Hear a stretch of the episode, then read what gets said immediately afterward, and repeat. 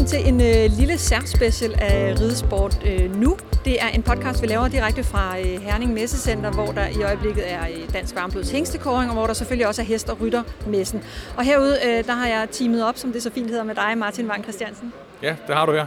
som øh, er øh, hos Eiffel Williams. Og øh, du har lovet mig, at øh, du lige vil hjælpe mig med at lave sådan en lille gennemgang af, hvad man skal vide, når man, øh, når man kører rundt med sit kæreste eje i en trailer. Vi prøver sådan at komme igennem de der ting, man, man skal, og nogle af de ting, man bør, og nogle af de ting, som bare sådan er, er gode råd. Vi tager udgangspunkt i nogle af hverdagens spørgsmål der, så de trailer, vi har på standen, så kan vi lige komme omkring det. Ja, Lad os, øh, lad os starte med lige at gå hen til en trailer, som vi kan klappe lidt på. Øh, Ja. Vi kan ikke rigtig se dem, når det er, er podcast. det gør vi. Vi går herover.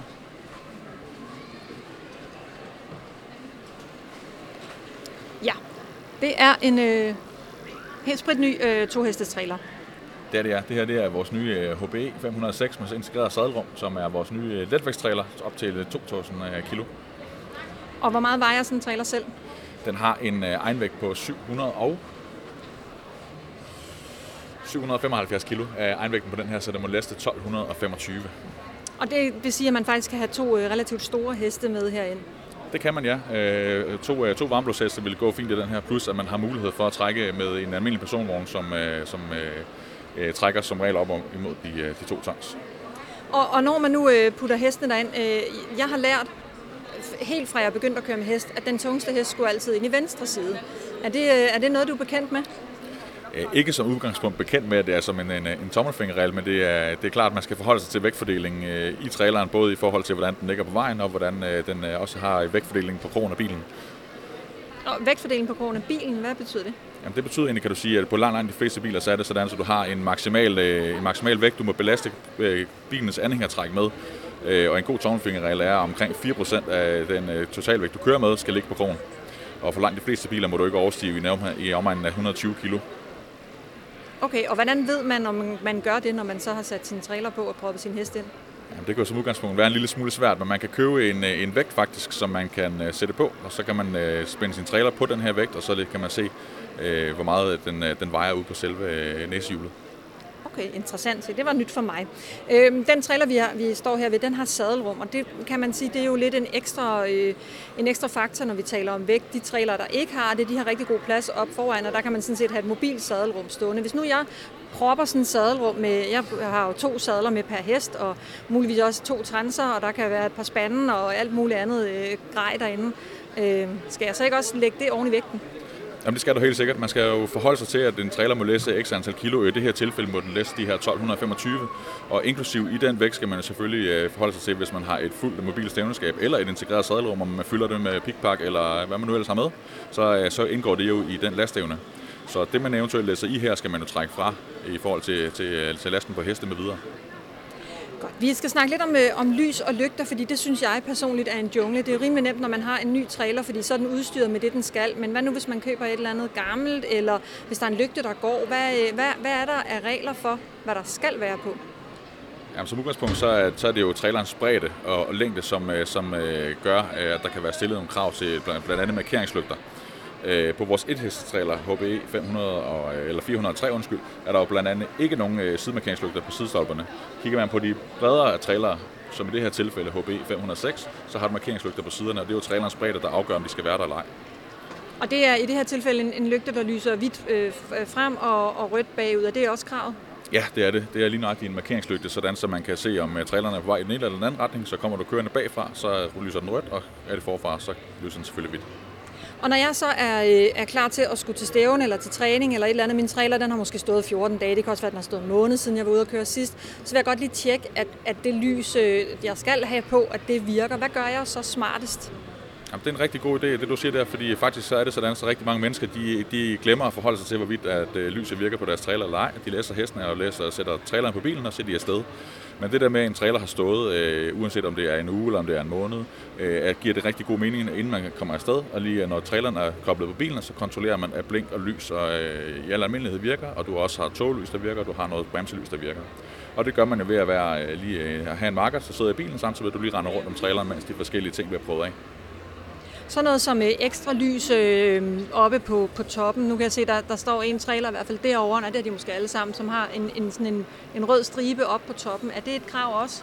Det er ikke et krav. Den, øh, den røde stribe, du kan se, er sådan en højmonteret bremselys faktisk. Og grund til, at vi vælger at øh, tage vores øh, trailer hjem med det, det har noget at gøre med sikkerhed.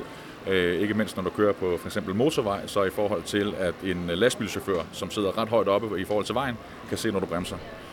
Så derfor så synes vi, det er vigtigt at tilføje en højmonteret stoplygte.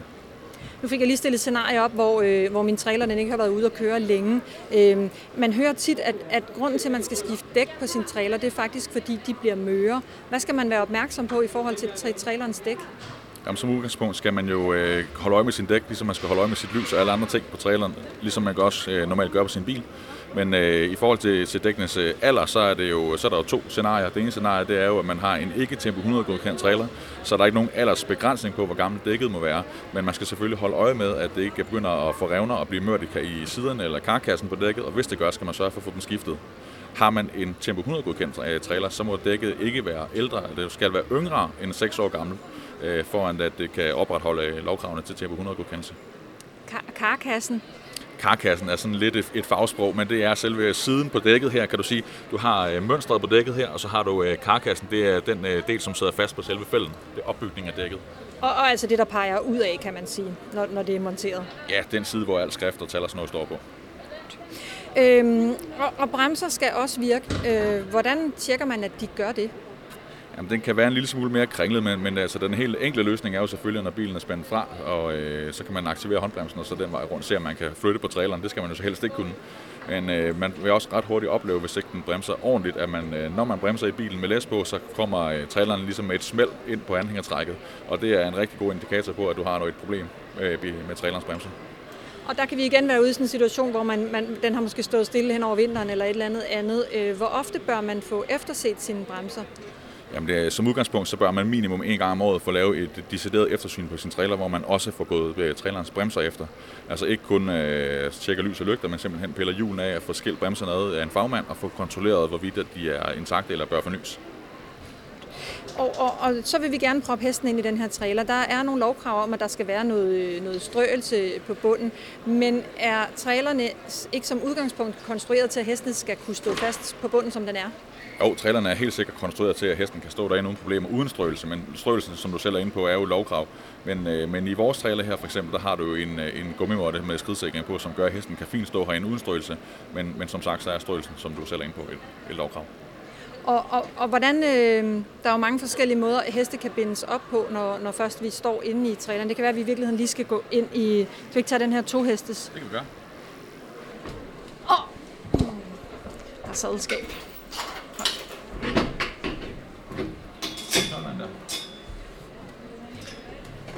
Hvordan, øh, hvordan er de her konstrueret, der kom der meget rumklang på, sådan er det, når man står inde i en trailer.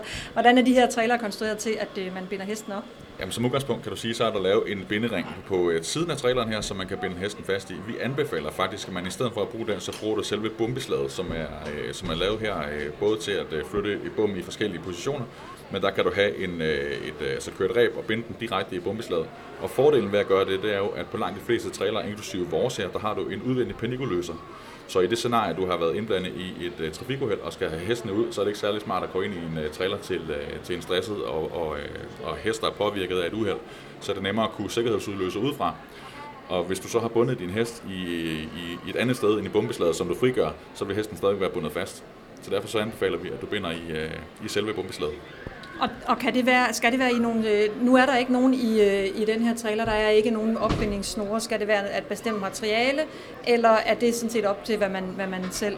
Altså anbefaler I, at man bruger øh, nogle bestemte opbindingssnore, eller er det en, den træksnor, man nu er mest tryg ved selv? Jeg tror, vi anbefaler, at man øh, bruger den træksnor, man, man er vant til og selv er mest tryg ved. Som udgangspunkt har vi ikke nogen, nogen, nogen holdning til, hvordan og det skal foregå. Øhm, så skal vi lige runde noget, øh, som jeg selv er en lille smule forvirret over, nemlig syn. Øhm, man har prøvet at have en trailer til salg, og så spørger folk, om den er synet. Så tænker jeg, det ved jeg da ikke. Er, skal, hvornår skal en trailer synes? Jamen en trailer den skal synes, når den er 5 øh, år gammel, øh, hvis den skal ejerskiftes. Hvis ikke den skal ejerskiftes, så skal den, øh, så skal den som udgangspunkt ikke synes. Medmindre man har en til med 100 godkendelse, så skal den synes øh, hver andet år. Øh, så øh, hvis man køber en trailer fra ny og ikke øh, skifter den, så skal den som udgangspunkt ikke til syn, hvilket øh, i min optik er en lille smule problematisk. For det gør øh, faktisk, at vi tit ser en, øh, en trailer komme ind til reparation på værkstedet, hvor den, vi kan se, at den ikke har kunnet bremse i, i lang tid. Øh, og det har jo noget med både hestene og også øh, andre medtrafikanters sikkerhed at gøre. Så, så man kan sige, hvis man, hvis man overholder øh, det her med at sende den til service en gang om året, så er det ikke det store problem, men, men, øh, men ellers så, øh, så tænker du, at så kunne sådan et syn, obligatorisk syn være en god idé?